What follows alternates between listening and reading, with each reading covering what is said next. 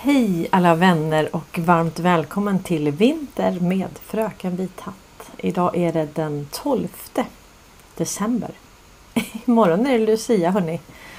Eh, frågan är om man kan fira sånt där. Vi vet ju knappt vad alla de här högtiderna betyder egentligen.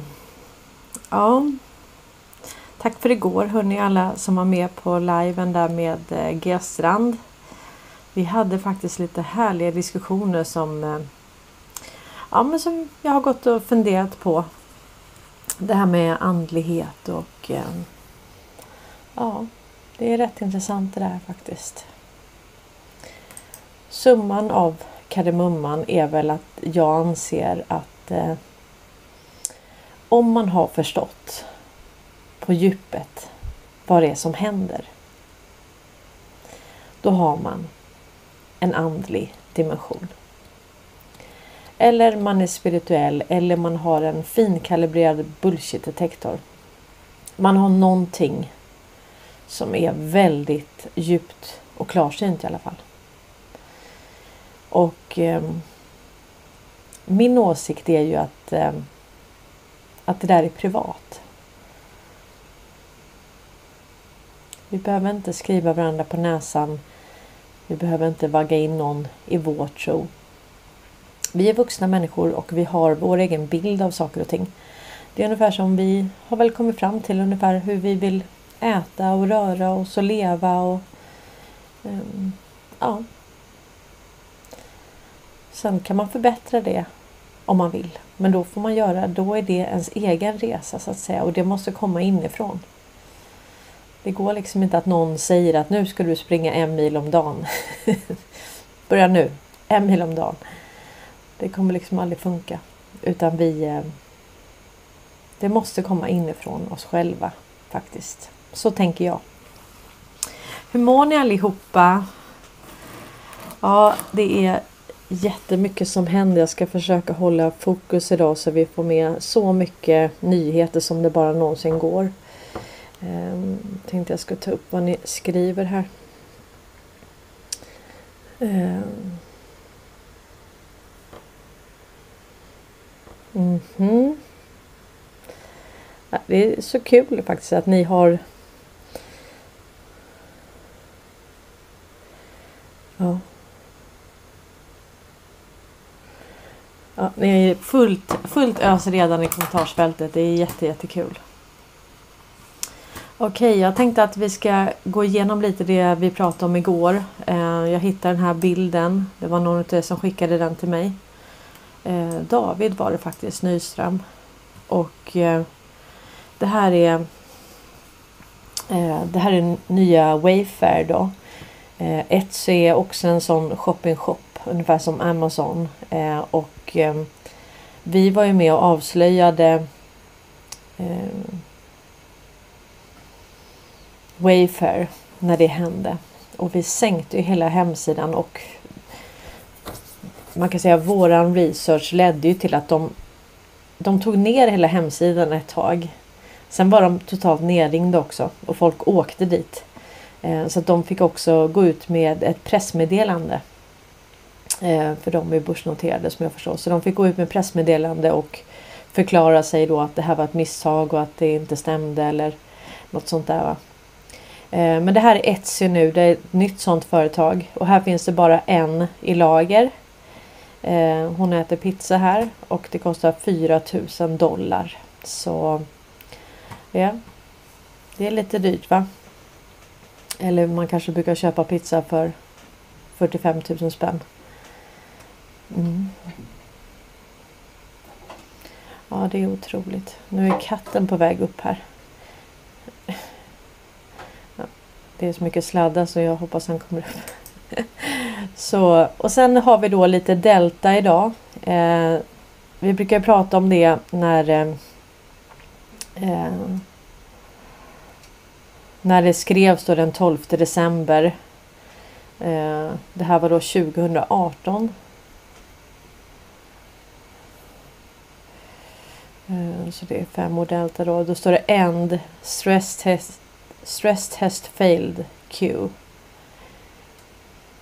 Ja, vi vet inte. Vi vet inte exakt vad det betyder. Men det var ett stresstest och det misslyckades då. Eh, sen har vi en annan här. Eh,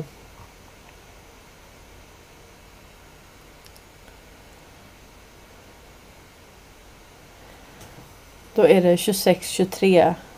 Eh, också den 12 december 2018. Is Gitmo going to be used for US citizens Kabal. Eh, och då svarar Q så här. Eh, three deten detention centers being prepared. Monitor funding. Q. Så att de har förberett det och nu är det klart. Och sen har vi då um, Då är det en som också är lite otålig här. Will voter fraud in CA be, ever be brought to light?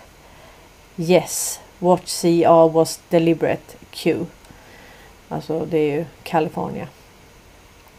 Så att vi kommer få reda på det här med valfusk. Jag vet att många utav oss väntar på det. Och eh,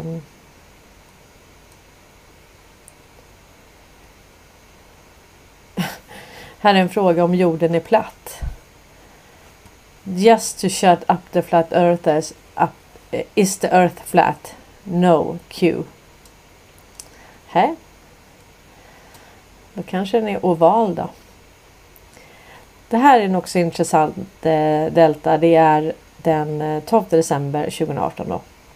Do we have the gold? Har vi guldet? Yes. Gold shall destroy Fed. Q. Ja, det är också fem år delta. Det är riktigt intressant. Ehm. Det var många poster på den 18.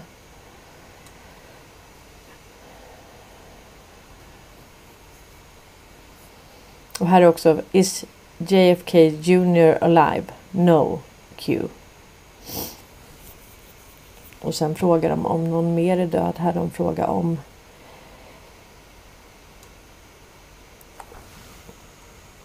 om Seth Rich är, lever.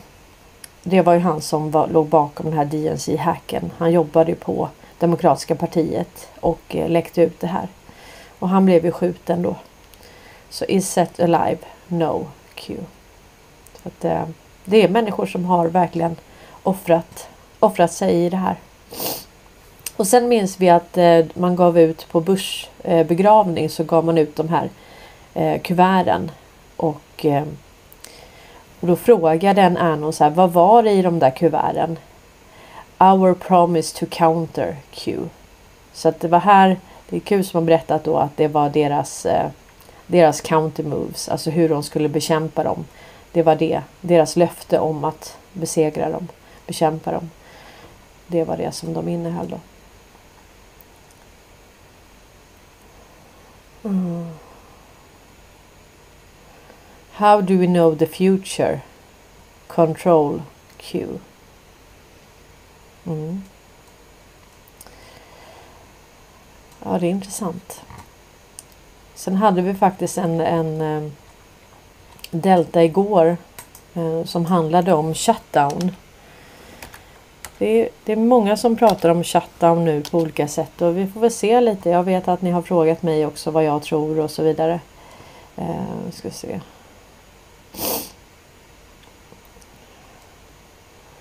Uh.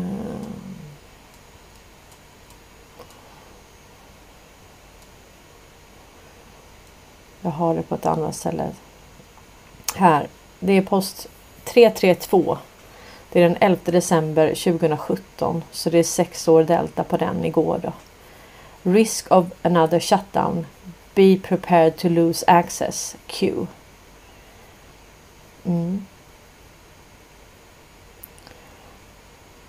Så det är ju intressant faktiskt.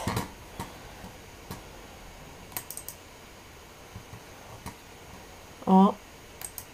Nog om detta. Det är lite intressant. Vi får se om det blir en shutdown. Ehm. Det är mycket som korrelerar så att säga att det skulle kunna vara eh, den 15. Det är den här Q-klockan. Vilket jag inte vet för det är någon ny sida. Alltså det, jag vet inte om det är fake eller vad det är.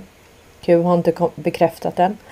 Eh, och sen då att ehm, 10 Days of Darkness. Ehm, och sen har vi ju pratat lite om det här med julen och den 25 och så. Och då skulle det i sånt fall vara från den 10 eller 15 till den 25. Om det är 10 dagar. Vi får väl se. Det skadar ju liksom inte att eh, ta ut lite kontanter och ha lite mat hemma och så. Vi får väl se hur det blir. Nu tänkte jag gå in lite på det här avtalet. Det här är väldigt intressant. Det här avtalet med USA.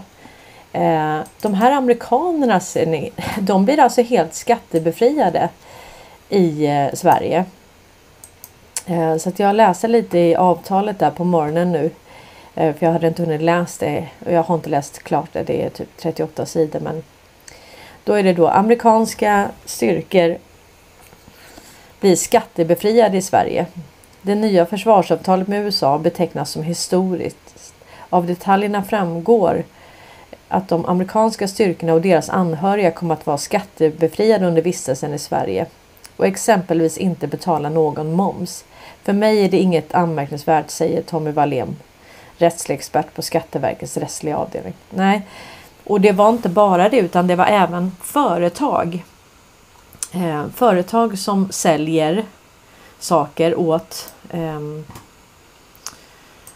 åt de här och sen ska vi och sen var det också svenska företag som säljer saker till amerikaner. Eh, jag ska bara ta upp här det, det som var lite intressant. Det var sidan 26. Eh, ska fortsätta läsa den här artikeln sen men jag skulle bara 24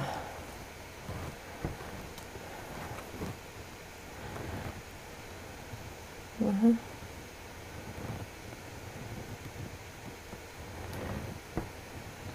Ja, det var också att de kunde då trycka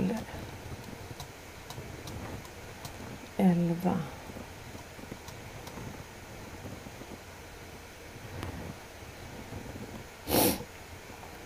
Uh, jag tror jag är på en bilaga nu.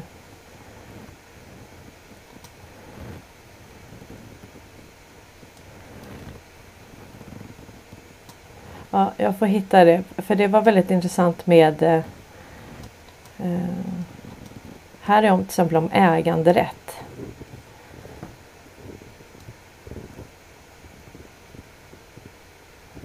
Amerikanska styrkor, amerikanska leverantörer och svenska leverantörer alltså som jobbar mot amerikanerna ska behålla äganderätten till varor, utrustning, materiell, förnödenheter, flyttbara konstruktioner och annan lös egendom som de inom ramen för detta avtal importerat till eller förvärvat i Sverige såvida de inte avsäger sig äganderätten.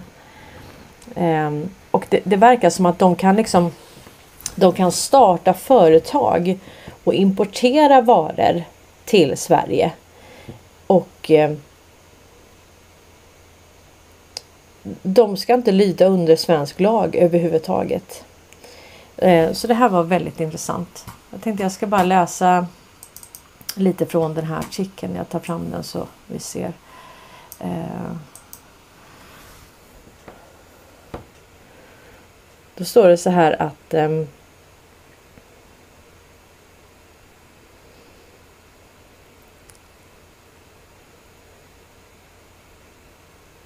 Innan jag börjar läsa ska jag bara säga att jag har en liten take på det här. Jag liksom tänkte lite på när jag läste det här. Alltså man kan ju tycka så här, men åh vad orättvist och lalala. Men alltså det här skrivs nu. Och vi vet att vi att Gold shall destroy Fed. Vi vet shutdown. Vi vet att vi kommer få ett nytt finansiellt system.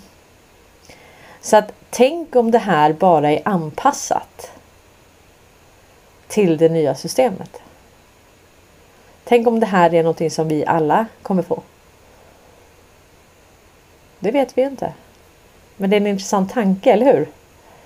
Tänk om det här är, då kan vi egentligen läsa det här avtalet och förstå hur vårt system kommer fungera. Både med inkomstskatt, skatt på essentliga varor, eh, förvärvsarbete, alltså företagande så det var lite de glasögonen som jag hade på mig när jag läste det här. Eh, då står det så här. Det nya försvarsavtalet med USA betecknas som historiskt. Av detaljerna framgår att de amerikanska styrkorna och deras anhöriga kommer att vara skattebefriade under vistelsen i Sverige och exempelvis inte betala någon moms. För mig är det inget anmärkningsvärt, säger Tommy Wallén, rättslig expert på Skatteverkets rättsliga avdelning. I förra veckan undertecknades ett avtal om ett försvarssamarbete mellan Sverige och USA. Ja, om det nu verkligen undertecknades enligt Paul Jonsson så ska det ju inte ha undertecknats. Eh, eller om man så vill en överenskommelse. Jaha. I förra veckan undertecknades ett avtal om ett försvarssamarbete.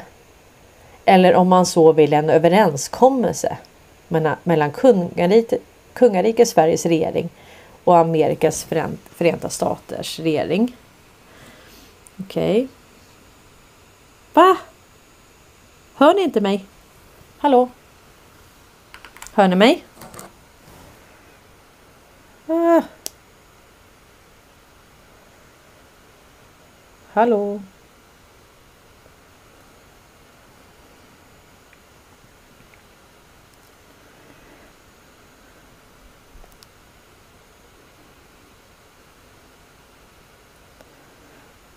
Uh.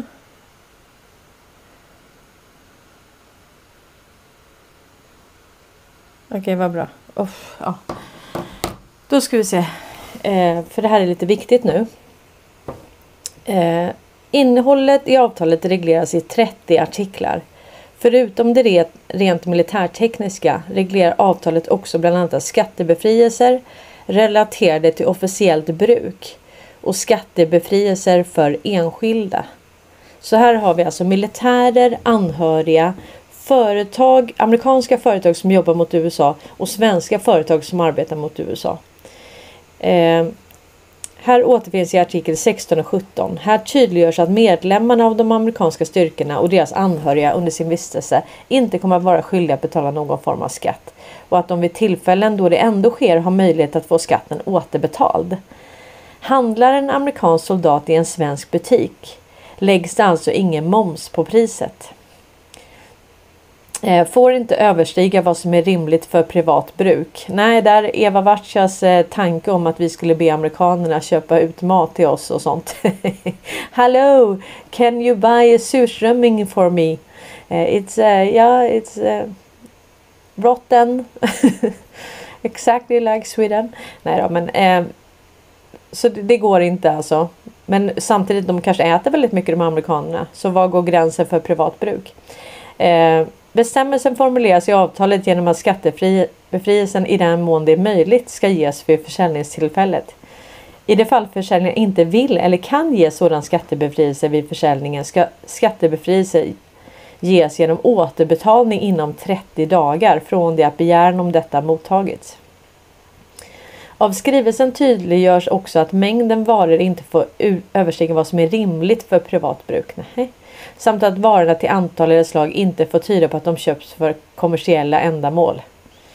Nej, det var ju inte bra då. Summa summarum kommer de amerikanska styrkorna och deras anhöriga varken betala skatt vid arbete, olika köp, ägande, innehav, överlåte eller överlåtelse under sin tid i Sverige.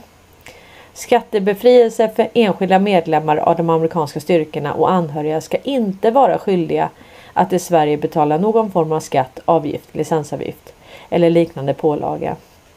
Exempelvis mervärdesskatt för köp, ägande, innehav, användning, överlåtelse dem emellan eller överlåtelse i samma, samband med dödsfall av egen materiell lös egendom som importerats till Sverige eller förvärvats ja, där då i Sverige för eget privat bruk. Skattebefrielsen ska tillämpas i enlighet med gemensamt beslutade eh, förfaranden. Eh, och så står det så här. Eh, artikel 17 experten. Då blir det beskattning från första dagen. Eh, Tommy Wallén är rättslig expert på Skatteverkets rättsliga avdelning och har tagit del av innehållet i de artiklar som avtalar skattebefrielsen. Han säger att man i Sverige skiljer på mellan de som har begränsad och obegränsad skattskyldighet. Vi som är bosatta i Sverige har en obegränsad skattskyldighet. Ja men det vet vi. Den är obegränsad. Vi betalar skatt på skatt på skatt. Så det är ju schysst ju. Att den inte är begränsad på något vis.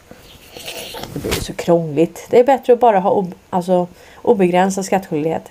Sen har vi de som bor utomlands och kommer hit och arbetar tillfälligt. De är begränsat skattskyldiga i Sverige. Oj. Ursäkta. Eh, nu ska vi se. Han förklarar vidare att det inte är meningen att utländska medborgare som reser till Sverige för kortare uppdrag ska beskattas här. Nej, men moms, okej, okay, nej. Stannar man längre än sex månader blir situationen en annan. Och är det uthyrning av arbetskraft kan det bli beskattning för första dagen. Eh, lagen kan innefatta EU-anställda. Här tar han polska målare som har polska arbe arbetsgivare men som står under svensk arbetsgivares kontroll och ledning som exempel. En sådan person anses ha svensk arbetsgivare och ska betala skatt här. Eh, ja, det är ganska långt. Jag la, jag la upp hela den här Eh, ja. Han tillägger, för, för mig är den här skattebiten inget anmärkningsvärt. Även om det kanske inte är allmänt känt hur det fungerar. Kan man inte hävda att Sverige härmed går miste om skatteintäkt? Det är som sagt kutym att man gör så för att få hit någon. Men då måste man gå med på vissa undantag. De här personerna är sannolikt fortsatt bosatta i USA. Det är inte meningen att de ska stationeras här och har förmodligen kvar sina familjer i USA. Då är det här någon sorts praxis. Nej men vadå, de hade ju anhöriga också här. Det gäller ju för dem också. Eh, och sen står det så här, lagen om immunitet, ni vet som kungen har, och privilegier behöver uppdateras. För att skattebefrielsen ska börja gälla återstår några saker. Dels att riksdagen beslutar om avtalet i sig. Det förväntas ske under 2024. Och dels att lagen om immunitet och privilegier uppdateras med ovannämnda avtal. Ja, här är ju liksom här är ju svart på vitt då. På att eh, att riksdagen beslutar om avtalet i sig och det förväntas ske under 2024. Ja, då är det ju inte. Då är det ju inte påskrivet. Men ändå verkar det som att det skulle börja gälla direkt enligt de samtal som Stensö gjorde. Ja, det här får vi gräva i. Jag tror också jag får ringa några samtal. Nej, det behöver jag inte egentligen, men det är kul att, att göra det ändå. Eh, faktiskt.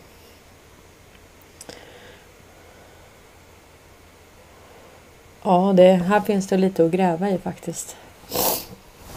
Vad skriver ni?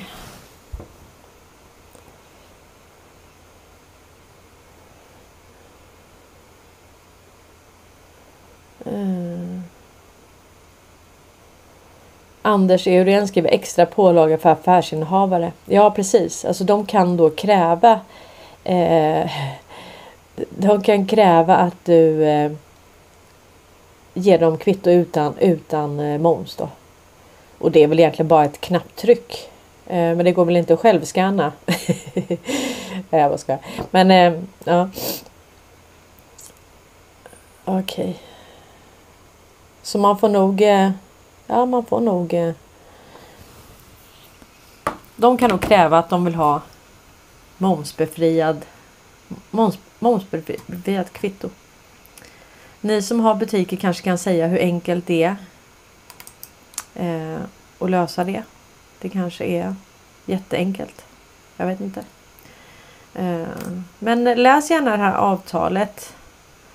Eh, det är ju avtal om försvarssamarbete mellan kungariket Sveriges regering och Amerikas förenta stater. DCA heter det här avtalet. Eh, så. Ja.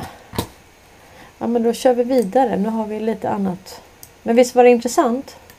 Tänk om det är så att det här är någonting som vi eh, vi alla kommer få så att säga.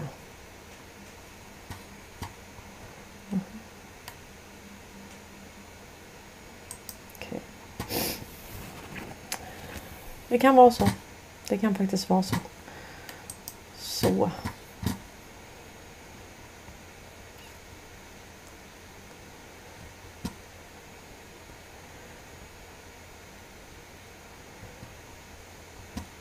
Det är faktiskt mycket som eh, som eh, bullar upp sig nu. Det är mycket som händer. Eh, jag ska visa. Det här är då Eh, det här delade G-strand då. Eh, our researcher. Eh, då är det 80 män gripna i Frankrike efter enorm barnsexrazzia.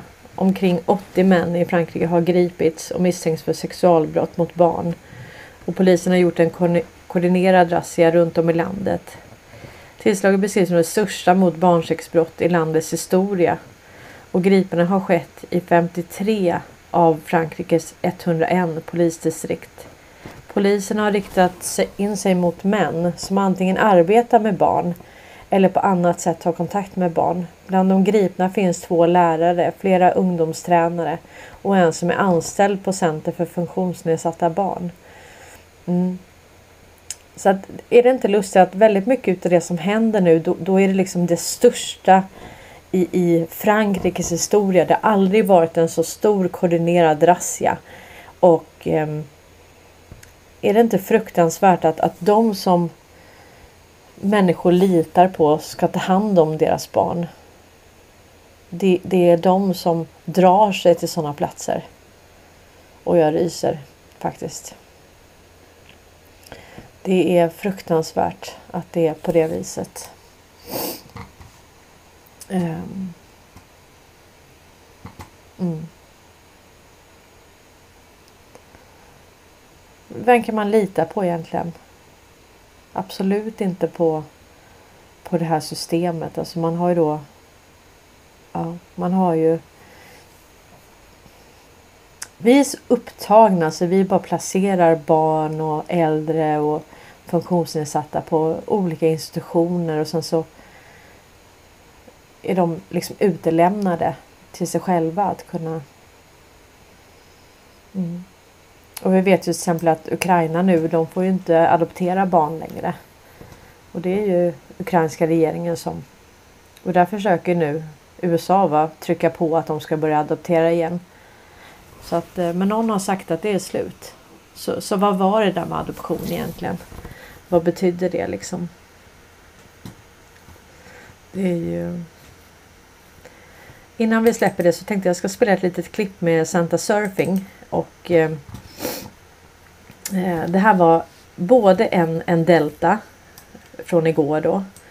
Eh, om shutdown. Och sen var det faktiskt en, eh, en kom, en liksom communication som vi fick från i ett tal som en militär höll och eh, han bad som en bön och det var det var formuleringar så att säga som vi kände igen från Q-posterna.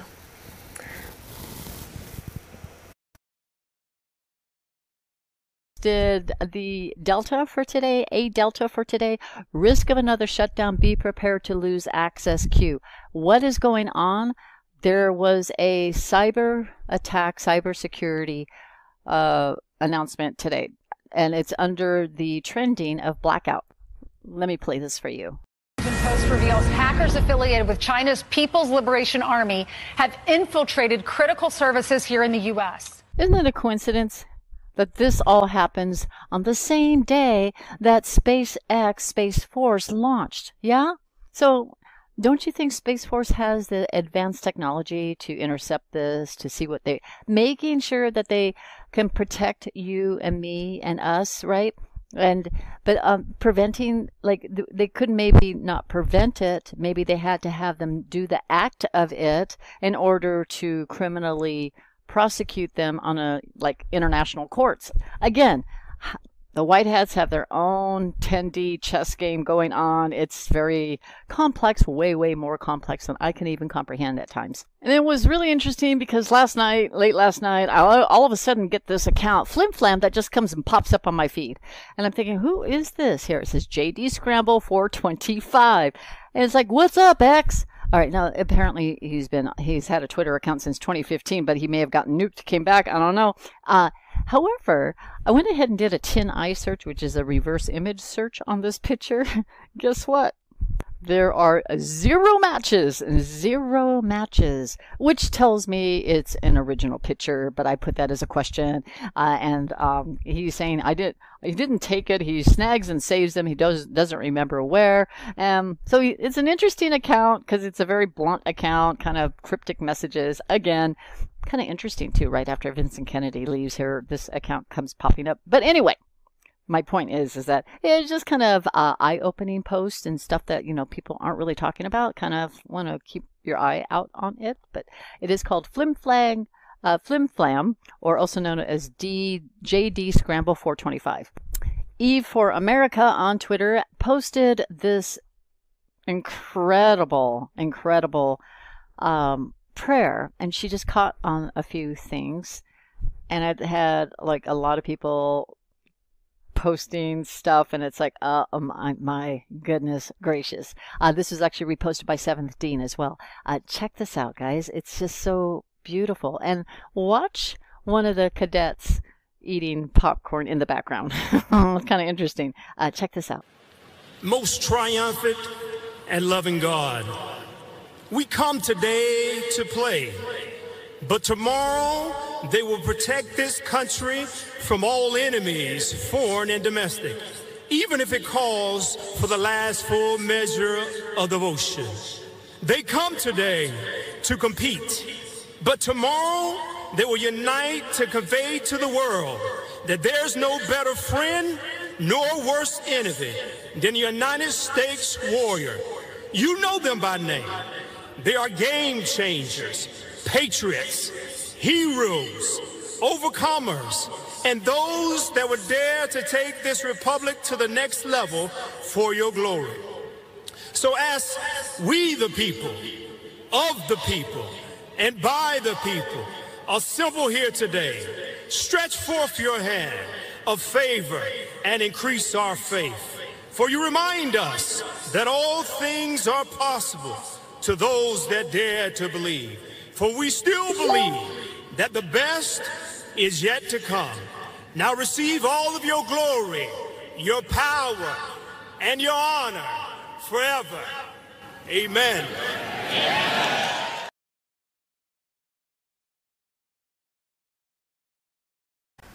Ja, det var mycket i den där.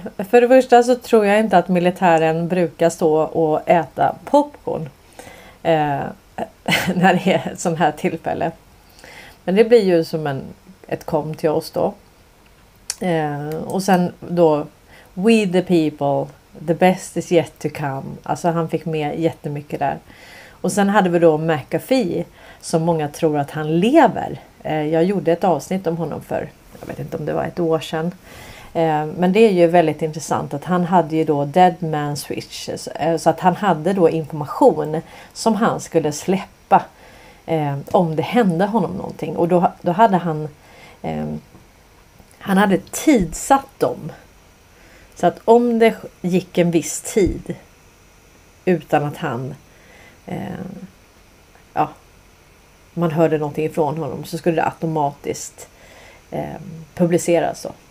Och vi vet ju att McAfee det är ju det här antivirusprogrammet som väldigt, väldigt många har. Eh, och den där bilden då, om den inte dyker upp någon annanstans. Eh, det kan ju stämma lite med hur han såg ut när han, var det 2019 var som han eh, dog eller var det 2020? Jag minns inte riktigt. Men eh, det är väl inte orimligt att han ser ut ungefär sådär. Så det är ju väldigt intressant. Och sen har vi då det här med, med shutdown och eh, jag kommenterade ett inlägg som eh, Michael Ray Corey gjorde på, på eh, Twitter eller på X då. Och eh, jag menar vi vet ju att det är Space Force som har kontroll över internet nu. Och som har kontroll över Ericsson. Så att eh, sen kommer de visst kunna hålla på med eh, försök till cyberattacker och så. Men jag tror ju att eh, som sagt eh, det går att värja för det. Om det nu inte är tanken att man ska ha ett... Eh, vi vet ju faktiskt inte vad 10 Days of Darkness betyder. Vi vet inte om det är Eh, att man ska stänga ner alltihop. Eh, vi vet inte om det är internet som inte ska fungera. Eh, jag menar vi tror i alla fall att elen kommer fungera. Så att vi, vi får helt enkelt se. Men eh, ja. Det. Och nu har vi då. Vad gjorde jag av den bilden? Jag hittar den. Vi hade en delta där på. Eh, på. Ja, jag ska ta fram den också. Men nu verkar det som att Hillary Clinton är uppe i nyheterna igen. Och nu ska man alltså ta upp det, det här fallet mot henne. Ska man ta upp och pröva igen då. Eh, för man har hittat nya e-mail. Som då kan innebära ett hot mot USAs nationella säkerhet. Så det var väl smidigt att man hittade det nu och att man tar upp fallet mot henne just nu. immediately seized on the news. I need to open with a very critical breaking news announcement.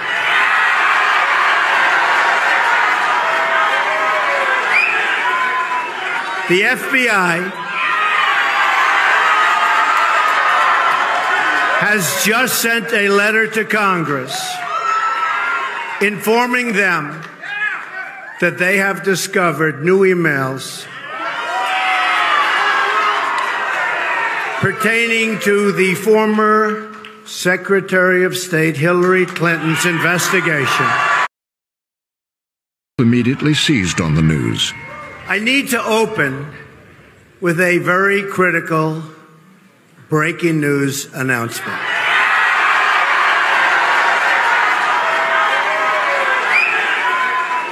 The FBI has just sent a letter to Congress informing them that they have discovered new emails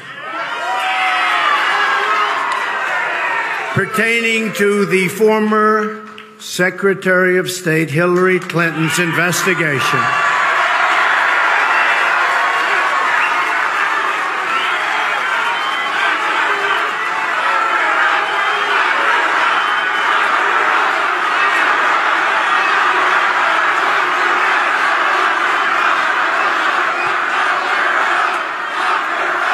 And they are reopening the case into her criminal and illegal conduct that threatens the security of the United States of America.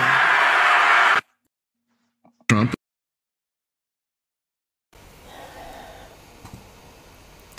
Så man kan säga vad man vill om Trump. Men jag kan säga att eh, när man har sett hans blick. När man har sett när han skriver exekutivordrar, när han pratar om human trafficking. Den moderna tidens slaveri. Så kan man säga att eh,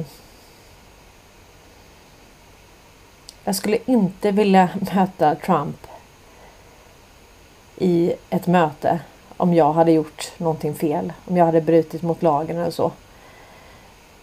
Alltså jag... Ja. Jag tror att många utav de haters som han har och många som har liksom derange Trump syndrom. Eh, det handlar om att eh, han är stentuff. Tror jag. Jag tror verkligen att han är stentuff. Mm. Så den bild jag har av Trump den är så långt ifrån den som presenteras. Visst, han kan skratta och liksom han kan vara trevlig och så. Men alltså, han är stenhård. Sätta dig och förhandla med honom om någonting, vad som helst. Nej, jag tror inte många. Otroligt, otroligt stark integritet. Det har han verkligen. Och eh, nu hade vi då Hillary Clinton som kom upp i ljuset. Man hade nya bevis. Och sen har vi då Hunter Biden. Åtalad riskerar 17 års fängelse. Q-fängelse. Eh, här är lite trevliga bilder då från den här Hunter Biden laptop. Eh, mm, han röker han crackpipa då. Eh, så att ehm,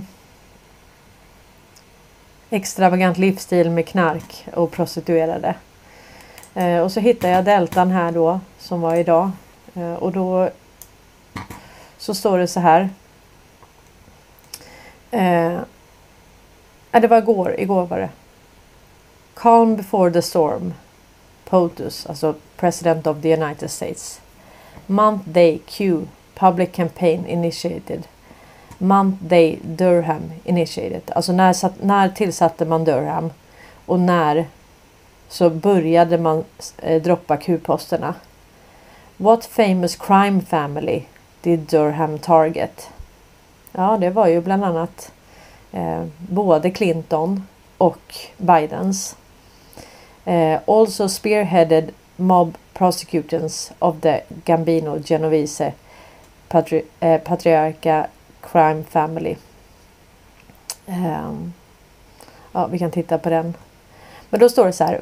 Tänk om det finns en annan åklagare utanför Washington DC. Assigned by Sessions. Så om Sessions, för vi har fått reda på att Sessions han är en sleeper. Han, de har spelat det där jättebra. Precis lika bra som de har spelat spelet med McCarthy. Han blev ju då eh, avsatt som eh, Speaker of the House.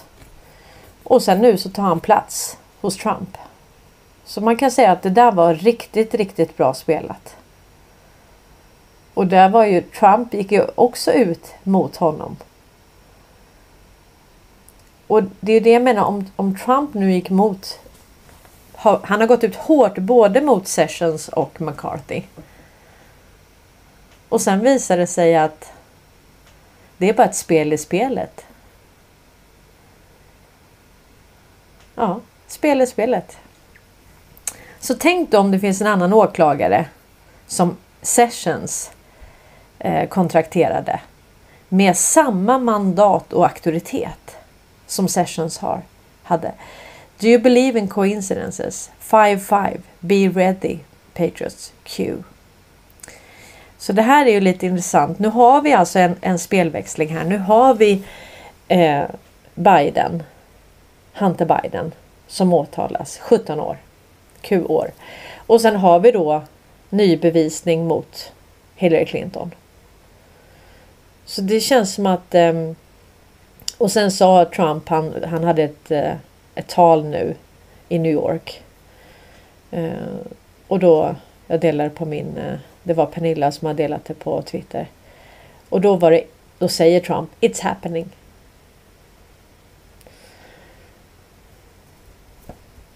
Och eh, vi har väntat länge. Väldigt många har förstått korruptionen. Väldigt många har förstått det här på djupet hur korrupt allting är. Och eh, tillräckligt många var tvungna att se och själva förstå. Alltså uppleva det här. Och eh, Det är många som känner sig som en bluff nu. Här är till exempel eh, eh, Bäst i världen men känner sig som en bluff. Trots att han nu får bevis på att han är bäst i världen inom sitt fält känner han sig ofta som en bluff.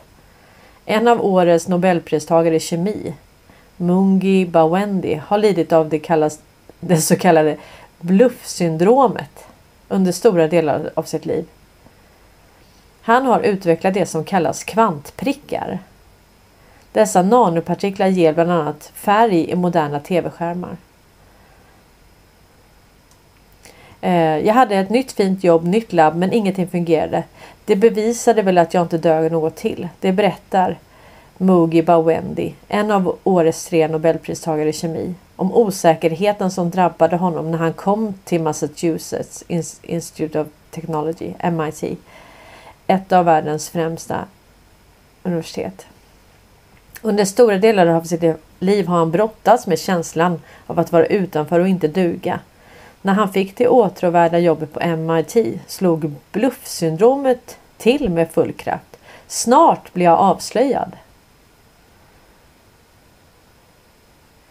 det här är ju rätt intressant för att frågan är hur många bulvaner så att säga som man har ja, planterat och sagt att de har kommit fram till saker men som egentligen bara är de själva så att säga. Det kanske är så i vissa lägen att du har någon som håller på att utveckla någonting och sen när de är nära ett genombrott då tar de fram någon annan och säger att den har kommit på det före. Och då får den Nobelpriset till exempel och då går det ju inte att för någon annan att ta patent på det. Så med tanke på att de har kunnat avläsa all information och eh, allting som vi har på Drive, allting som vi har i, i, på våra datorer. Allt det går ju att avlyssna. Så att eh, hur många gånger har man gjort på det här sättet? Och vad är det? Vad är signalvärdet i? Alltså det, det är ju väldigt, eh, väldigt intressant. Väldigt, eh, väldigt intressant. Men jag tror att man har stulit väldigt mycket immaterialrätt faktiskt från andra. Det är jag helt övertygad om. Och någon som har gått ut med det, det kommer ni ihåg, det var ju de som hade kommit på det här eh, BankID. Mobilt BankID. Och då, där snodde man ju bara det. Och sen ägs ju det nu av eh, Bankföreningen. Så det är ju storbankerna som äger det där. Och Wallenberg såklart. Men eh, där tog man bara det patentet. Så att ja, att vi bara kan komma fram på, på massa grejer, sälja det och bli jätterika på det. Ja, om det tillåts. Annars inte. Det spelar helt enkelt ingen roll hur bra. Utan då, precis som man gjorde med Nikola Tesla, så säkerställer man att det man får ingen finansiering helt enkelt. Nej, det är så man gör. För att hans, eh, det Nikola Tesla kom på, det var ju ingenting som eh, som gynnade någon annan så att säga. Alltså det gynnade ju inte de som tjänar pengar på det här idag. Du kan inte ha fri el. Du kan inte säga att det finns hur mycket olja som helst i marken. Då kan du ju inte betala för det. Så hela tiden är det liksom ett spel för galleriet. Mm. Ska vi se här. Jag kommer att tänka på det här, den här Tesla uppfinningen. Som eh, jag skulle visa för er. Så om jag kan hitta den snabbt här. För det är väldigt intressant. Alltså det intressanta med den här videon det är ju att eh, eh om du har en sån konstruktion som Tesla tog fram så räcker det med att du har små sändare och mottagare och de, är, de ser ut alltså i storleksmässigt som det som folk tror är 5G-master. Och det där är ju väldigt, eh, väldigt intressant. Jag tror att jag har Jag brukar skriva under eh, under mina klipp. Men jag har väl slarvat och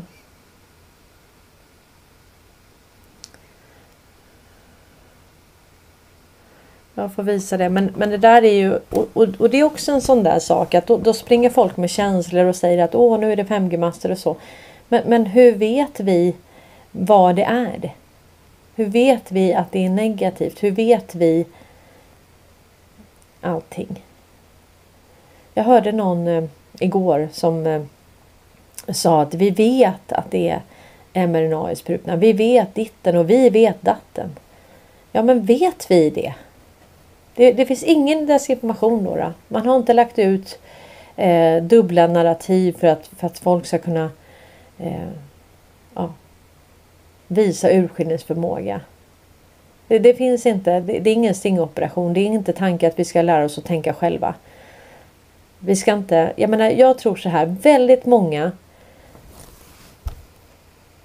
och delvis jag själv också, säkerligen. Jag säger inte att inte jag själv. Men väldigt många har varit lurade innan. Vi har varit lurade allihopa. Och sen tror jag att väldigt många har gått in och blivit lurade igen. Tro på desinformation. Tro på yvigheter. Riktigt mycket yvigheter. Och om det sen skulle visa sig att det inte var sant, då, då är man ju dubbellurad, trippellurad. Och då då gäller det att ta sig en funderare över sin egen bullshit-detektor. Vad är det jag tror på? Varför? Hur kunde jag gå på det här igen? Hur kunde jag gå från att vara lurad, vakna upp och sen bara gå på nya lögner? Ja, jag tror vi måste tänka på det lite faktiskt. Nu ska jag läsa vad ni skriver. Men först tänkte jag att Eldtåk, han gjorde faktiskt en bra eh, folkbildning här. Så att jag tänkte att eh, eh, vi ska spela upp den. Men innan vi gör det, nu har vi pratat om, om lockdown och vi har pratat om eh, eh eller shutdown. Vi har pratat om, om eh, inte lockdown utan shutdown. Vi har pratat om eh, cyberattacker, vad som kan hända. Och sen har vi då eh, vad heter hon nu? Ylva Johansson som går ut nu och säger att det kan mycket väl bli en terrorattack också i jul. Ja. Det kommer från alla håll och liksom varför går hon ut och säger det nu? Är det för att på något vis förbereda folk att någonting kommer hända? Jag, jag vet inte. Men eh, Ja, jag vet faktiskt inte. Men det är lustigt att allting kommer samtidigt nu. Är det inte det ändå? Ja. Situation.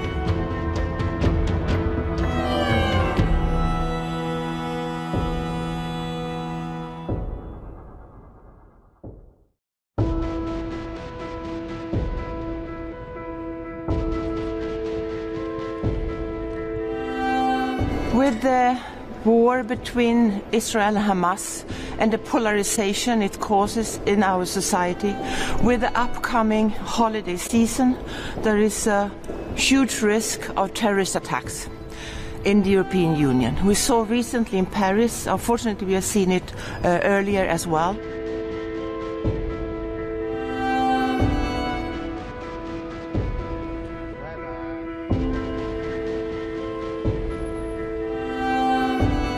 Bien, ce soir à, Paris, euh, un homme euh, s'en est pris euh, d'abord aux alentours d'un petit peu plus de 21 heures entre le quai de Grenelle et, et Birakem, un couple, un couple de touristes étrangers. Euh, un, touriste allemand né aux Philippines est décédé par des coups de couteau. Ce que je sais, c'est qu'il aurait prononcé effectivement euh, le mot d'Allah Akbar, et il l'aurait prononcé au chauffeur de taxi qui voulait intervenir, et il l'aurait prononcé aux policiers puisqu'ils me l'ont dit. Les premières investigations ont permis de mettre en évidence que l'auteur des faits avait enregistré une vidéo avant de passer à l'acte. Dans ce film, s'exprimant en langue arabe, il se présentait comme étant Abu Talha al-Khorassani, ce qui constitue une référence à l'organisation terroriste État islamique agissant actuellement à partir de l'Afghanistan. Lors de cette vidéo, il prêtait allégeance à l'État islamique.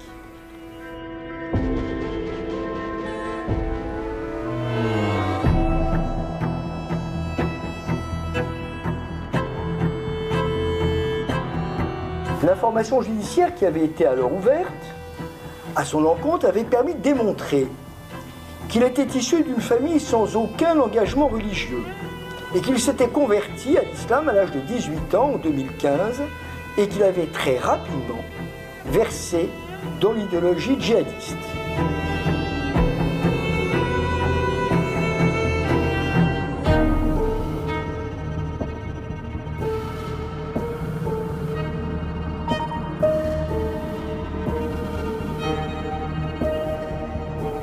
In diesem Sinne möchte ich auch noch einmal unseren französischen Freunden mein tief empfundenes Mitgefühl wegen der terroristischen Attacke aussprechen.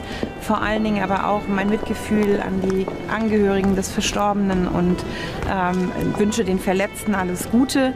Insofern wird das natürlich heute im Fokus stehen, weil diese brutale Gewaltheit eben zeigt, wie akut und wie ernst die Gefahr durch islamistischen Terrorismus derzeit in der EU ist. Nicht nur in Deutschland, sondern eben auch in allen Nachbarstaaten.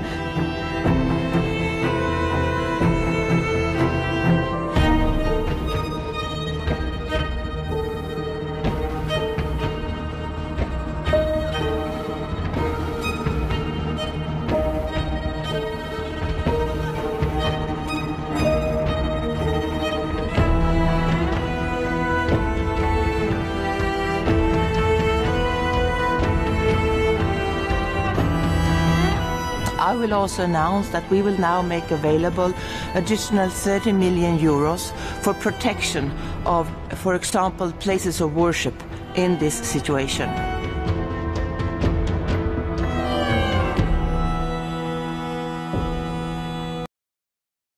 Ja. Alltså det där är ju ren skrämselpropaganda. Men samtidigt. De bullar ju upp på något vis för ett scare event eller för, för någonting. Att, att någonting händer så att säga. Så att det kanske ändå bidrar till att människor på något vis undermedvetet i alla fall förbereder sig för någonting. Eh, ja, men jag såg att ni, ni ställde lite frågor. Erik Hälsel frågade Kan en belägrad stat överhuvudtaget underteckna avtal med bindande juridisk verkan? Vårt rättssystem är ju satt på paus. Nej men precis, jag tror inte det är därför jag tror att man skrev inte under det här överhuvudtaget. Och sen så började det gälla direkt ändå. Så att det var liksom bara ett spel för galleriet. Jag menar de hade ju till och med köpt flaggorna typ på Dollarstore eller någonting så att det är inte Det är inte seriöst. Eh. Leonard Jonsson skriver ockupationsmakten måste respektera de lagar som gäller i det ockuperade området. Såvida de inte utgör ett hot mot dess säkerhet eller hinder för tillämpning av den internationella ockupationsrätten. Ja precis, alltså, och det är ju det lite Paul Jonsson säger som jag spelade upp i ett klipp häromdagen att han att det är eh, att det är inte svensk lag som gäller. Men den ska respekteras. Vad det nu egentligen betyder. Men samtidigt så är det så att nej. Det är Eddie. Har du en... Tyst Eddie! Mm. Har du en... Eh, kontinuitetsregering, vad det jag skulle säga. Har du en kontinuitetsregering så är det ju så att då måste du upprätthålla och då är vi inne på det här med eh, krigslagstiftning eller med eh, krigsplacering. Och Eh, Eh, då hittade vi faktiskt det här med eh, om eh, Vi tog upp det igår när det gällde det här med eh, eh, Ja, vi kom väl fram till att vid nyår, alltså januari 2023 så var det 400, vad var det? 405 000 svenskar som var krigsplacerade då. Eh, så här, här är då en motion från 2021 och den antogs. Och då är det ju eh,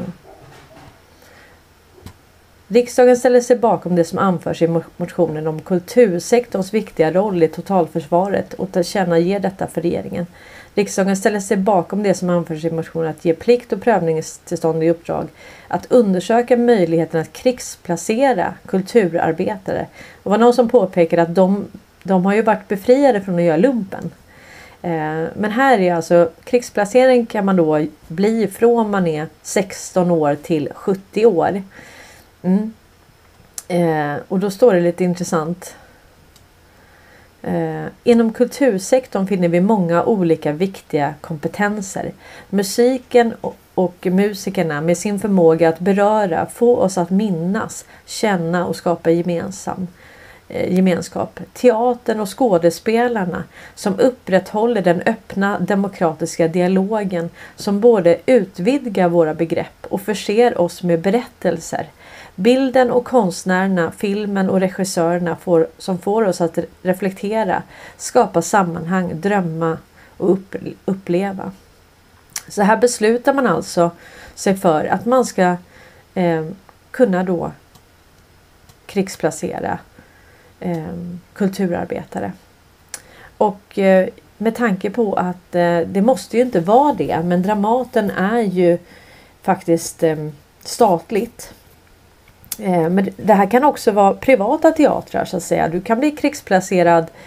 Eh, det måste inte vara statligt ägt utan det, det kan vara Ja, och då, du kan alltså inte säga nej om du är krigsplacerad.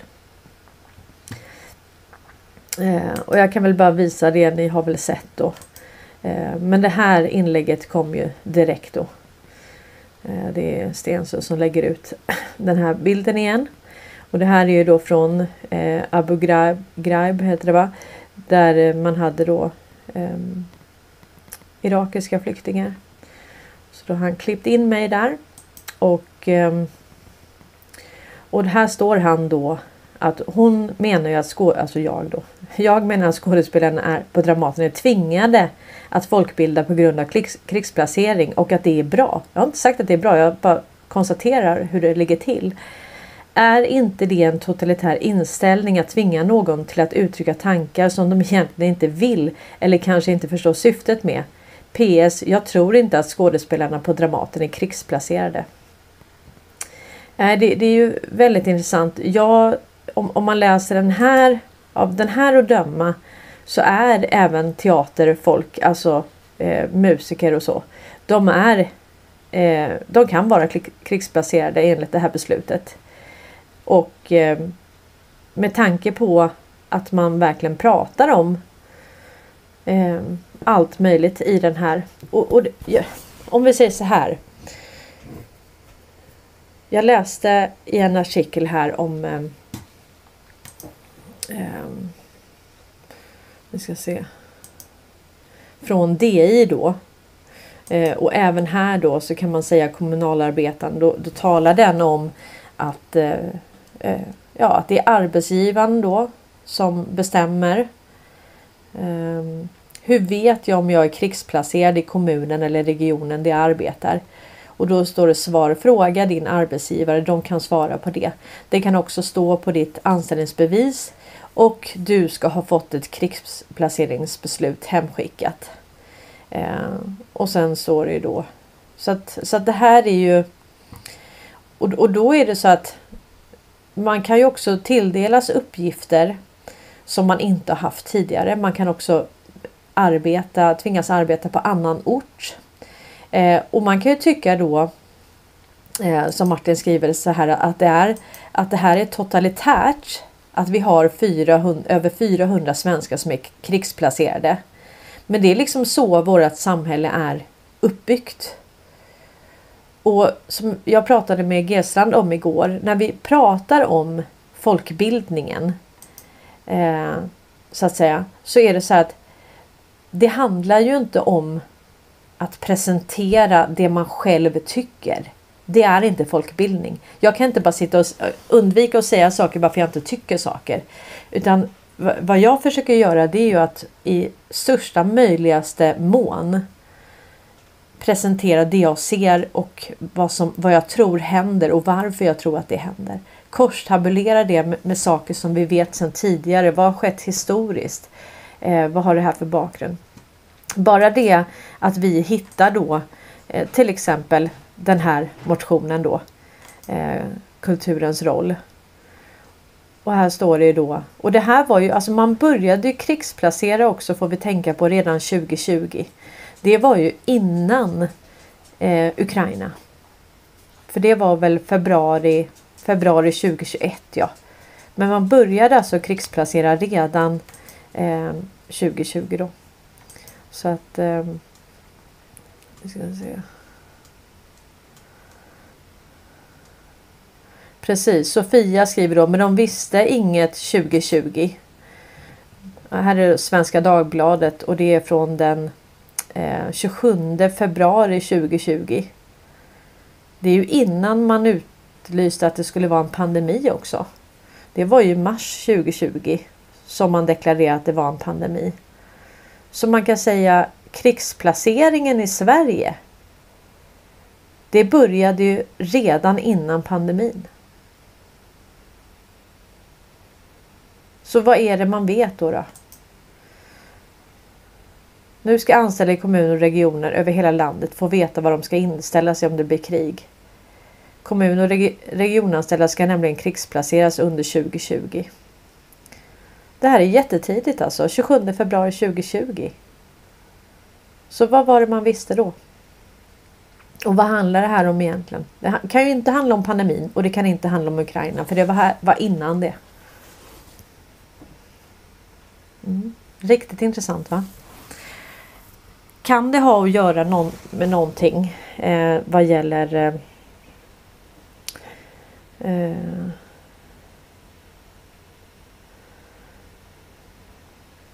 Kan det ha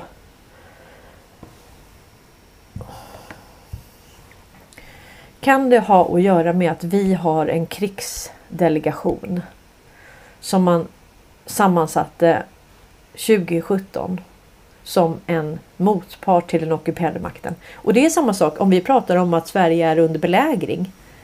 Ja, det är väl inga känslor. Vad ska, vad ska jag tycka om det? Ska jag inte säga det för att jag inte tycker det är bra då? då? Det spelar väl ingen roll vad jag tycker, det är ju vad det är ändå. Antingen kan jag försöka presentera det jag ser eller det jag tror jag ser. Och varför? Men, men om jag bara ska sitta här och prata om det som jag själv tycker. Då är det ju inte säkert att det blir så nära verkligheten.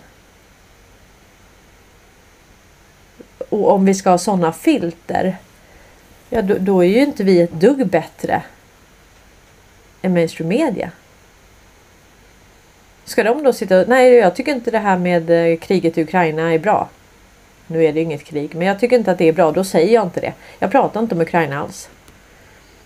Och, och det han skrev här då med eh, eh med att man tvingar. Det här var ju lite intressant.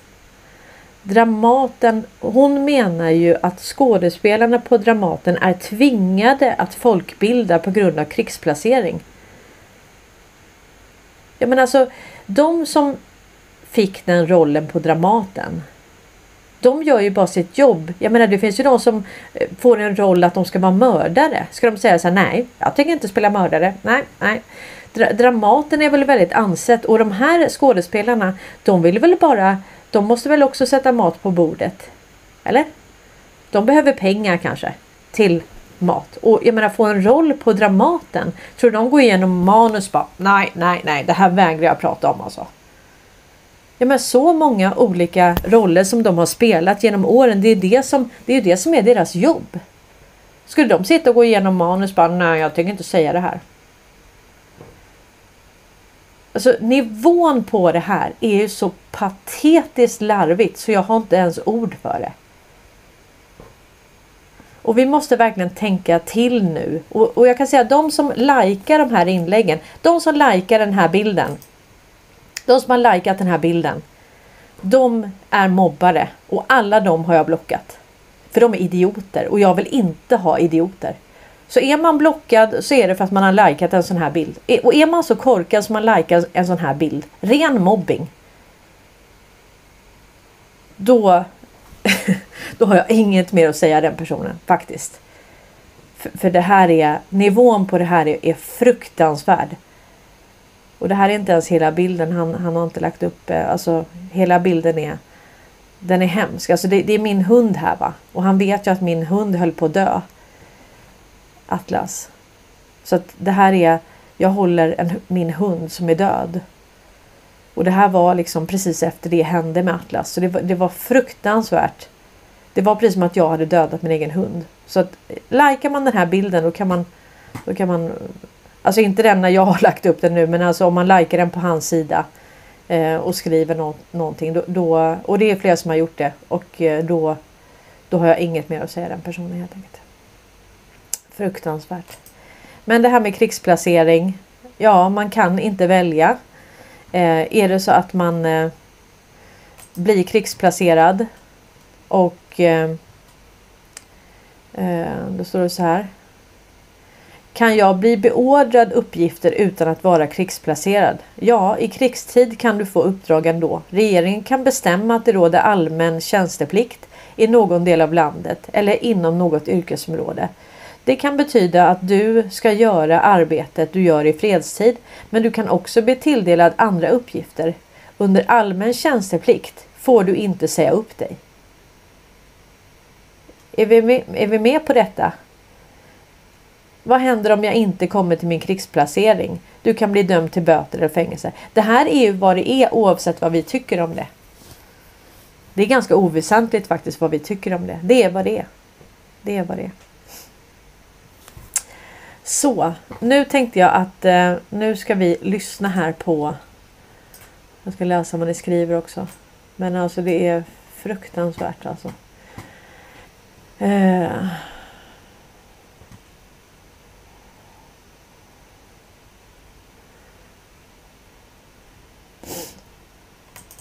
Vi lyfter upp L-Talk här. Jag tyckte han, han eh, gjorde fantastiskt. Det är väl, jag tror att det är eh, Deep State, ja precis. Deep State eh, gör de här korta klippen och det, vi uppskattar verkligen det.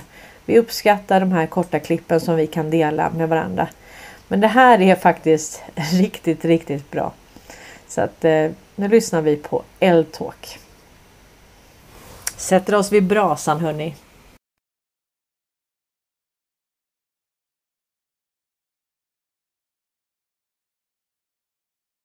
Gård. Här har man liksom tittat överallt på den här planeten efter någon förklaring till varför vi ser att allt färre blir allt rikare på allt fler människors bekostnad. Och så bara, men vad fan, det är ju Wallenberg, va? Det skulle inte räcka med att bara kapa Wallenberg. Jag menar det här med Riksbanken, hur hela systemet med att de printar pengar ur tomma luften, underrättelsetjänsterna som på ett eller ett annat sätt är delaktiga, ekonomiska hitmens och sen utöver det att vi har en hel kuliss som heter politik i Sverige med vänster, höger, det är rekvisita. Att vi springer och röstar, det är rekvisita. Demonstrationer. Vi ska inte krama de här kulisserna. Men hur ska man lösa den här situationen då? Om man ska motarbeta det här då? Ja men vad fan, det, det är upplysning. Ja, men vem är bäst på upplysning i, i Sverige? Det finns bara det fria som faktiskt upplyser den svenska befolkningen sättet på vilket pengar skapas och vad det för med sig för effekter. Det vill säga pengarna skapas genom att en bank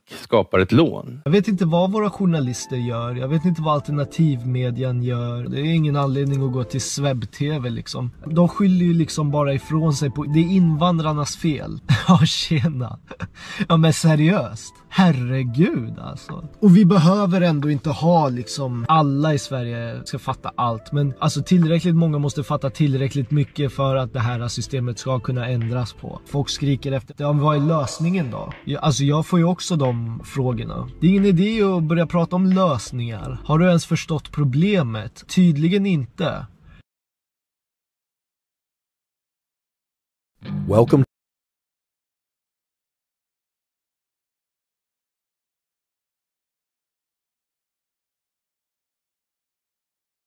Här satt jag och läste vad ni skrev. Nej, jag tycker det där är riktigt, riktigt bra. Och eh, det är ju lite lustigt att de som pratar om Bilderbergmötet och allt det här. Eh, hur kommer det sig då att de inte pratar om Wallenberg? Alltså söker man här på eh, Bilderberg. Eh, bara titta här. Söker man på Bilderberg meeting. List of Bilderberg participant. Då kommer ju Wallenberg upp. Wallenberg Wallenberg, Wallenberg, Wallenberg. Så hur kan man egentligen nämna eh, till och med Investor AB? Ericsson, ABB, IBM. Så här ser man då. Så hur kan man då säga att man är emot globalismen och man pratar om Bilderbergmöten, man pratar om de här överstatliga organisationerna. Men man glömmer att nämna Wallenberg. Mm.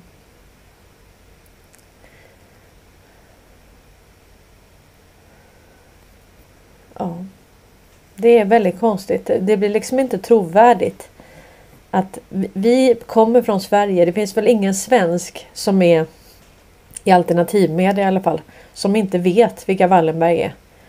Och googlar man bara på Bilderbergmötet och deltagare så kommer Wallenberg upp. Okej. Okay. Mm. De har alltså varit 22 times. Was a member of the steering committee and attended the meeting 22 times from 1950 to 1981. Eh, och sen var det då hans eh, grandson, eh, grandson Marcus Wallenberg och Jakob som tog över och de har gått 17 times, 17 gånger. Q gånger har Jakob Wallenberg eh, och Marcus Wallenberg varit på de här mötena. Ja, ja, intressant. Men det här, eh, det här har alternativmedia missat då. De pratar om Bilderbergmötena och eh, globalismen och allting men de glömmer Wallenberg fast det står helt öppet på Wikipedia nu. Ja, det är inte så trovärdigt. Um, men det är några som skriver om krigsplacering då fram till 40 eller 47 år och så. Men, men det gäller inte. Alltså det gäller ända fram till man är 70. Om man går in och tittar på plikt, eh, eh Pliktverket så är det faktiskt mellan 16 eh, till 70 år. Så att eh, man kan bli krigsplacerad igen. Och sen vet jag också de som har blivit som har fått en, en inkallelseorder eh, och då har de varit över 50. Så att det där med 47 eh, det gäller inte. Så att eh, mm. Och eh, Nanana skriver i att han, han ser ingenting som är positivt. Ingenting. Um, Okej. Okay. Vi är inne i jordens genom tiderna största folkbildningsprojekt. Och vad, vi är inne i en exponeringsfas. Men vi är också inne i en åtalsfas. Som sagt, under lång tid så har till exempel Hunter Biden och Hillary Clinton blivit avslöjade. Vi vet vad de har gjort. Och nu så blir Hunter Biden dömd. Det är, då är det ju så att de korrupta elementen, de kriminella, blir ju inte bara exponerade utan de åker också dit. Eh, och jag har väl visat i min kanal eh, Nanana hur många gånger som helst på saker att det är en spelväxling. Vi har aldrig haft så här stora beslag. Vi har aldrig haft som det, det vi tog innan här med Frankrike. Det har aldrig varit eh, en sån razzia, stor razzia Eh, i Frankrikes historia mot eh, en sån barn, barnsexrazzia. Usch, du måste hitta ett annat ord för det. Det där var inget trevligt ord. Och här då visar man att insider hos polisen hjälper gängkriminella. Gängkriminella försöker infiltrera polisen och polisanställda avslöjas att göra otillåtna slagningar i känsliga register. Och det var ju samma sak som vi läste med banken. Att de både har infiltrerat och jobbar på banken. De är jurister också. Vi har flera jurister som har blivit av med jobbet som har åkt dit då för att eh, jobba med de här klanerna. Eh, så att jag vet inte om man inte ser att det händer någonting så vet jag inte riktigt vad man tittar på. Då, då tittar man nog på fel saker. Alltså eh, för att bara summera vad det är vi gör. Vi är inne i jordens genom tiderna största militära stingoperationsbaserade folkbildningsprojekt. Vilket innebär att tanken är att exponera kriminalitet och korruption. Och vi måste se genom att uppleva för att vi när det här folkbildningsprojektet började så trodde vi inte att det ens fanns korruption i Sverige. Inte på den nivån. Det var väldigt få som trodde att vi hade korruption i det här landet. Och absolut inte att du har både polis, rättsväsende och banker som är de kriminella. Vi har till och med Wallenberg som har blivit omnämnd som en klan. En kriminell klan. Så att tanken är att vi ska eh, och sen har man då expo exponerat det finansiella systemet. Man har exponerat hur riggat det är med elpriset. Hur man handlade på en börs dagen innan. Vi har blivit eh, Vi har fått se att krypto inte alls är anonymt utan att den amerikanska staten bara kan ta tillbaka krypto. Vi har fått reda på att eh, man har övervakat oss. Man har censurerat oss. Man har censurerat det fria ordet. Vi har varit övervakade. Du har haft alltså ett kriminellt brottssyndikat, Wallenberg, som har kontrollerat det finansiella systemet. Och det sitter ihop med telekominfrastrukturen och kraftförsörjningen. Vilket innebär om de... Det här är samhällskritiskt globalt. För att vi ens ska kunna få tillgång till våra pengar så måste deras företag fungera. Om Ericsson slutar fungera eh, så slutar allting fungera. Då har vi inga pengar, då kommer vi aldrig åt våra pengar. 99% av våra pengar i Sverige är digitala. Vilket innebär att om de bara bestämmer sig för, nej men hörni, vi lägger ner Ericsson. Vi lägger ner skiten. Ja, då hade vi aldrig kommit åt våra ettor och nollor. Vi hade alltså inte kommit åt våra pengar. Så ska vi då godtyckligt lägga hela vårt liv, alla våra besparingar i händerna på ett kriminellt brottssyndikat som bevisligen har mutat och finansierat i Isis i 17 år. 17 år, Q-år. Okej. Okay. Så att jag menar, vad hade hänt med alla triljoners triljarder, miljoners? Om de bara säger, nej men hörni, vet du att vi lägger ner ABB, kraftförsörjningen. Så, så hur, hur kan det där operera ens utan el? Det kan det inte. Okej, varenda glödlampa i en skola idag går på en IP-adress. Då behöver du telekom.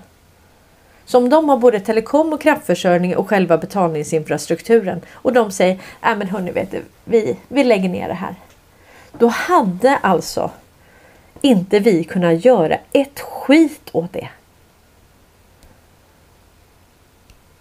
Och hur många är inte fästa vid sina pengar? Hur många har inte frågat mig genom åren, hur kan jag rädda mina pengar? Så att vad vi är inne i det är en exponeringsfas. Det handlar om att det som är samhällskritiskt, det som är samhällsbärande kan inte kontrolleras av ett kriminellt brottssyndikat som använder det som leverage för att styra och diktera och kontrollera varenda människa, varenda företag och varenda stat på den här jorden. Så jag tror att om man om man förstår systemet så förstår man hur nära det var att vi skulle förlora vår frihet för alltid. Vi har redan levt i en dold teknokrati. Det vill säga, det finansiella systemet har varit tekniskt. Det har gått på telekom. Det har inte varit brevduva i alla fall. Och jag menar, det lilla cash som vi har använt i det här landet. Det är ingenting det är ingenting. Absolut ingenting. Så vi kan gå så här, ja men okej vi, vi stoppar liksom eh, så här mycket i madrassen. Men so what? Alltså går allting i konkurs så finns ju ändå ingenting att köpa för de pengarna du har i madrassen. Det här är inte skitsvårt.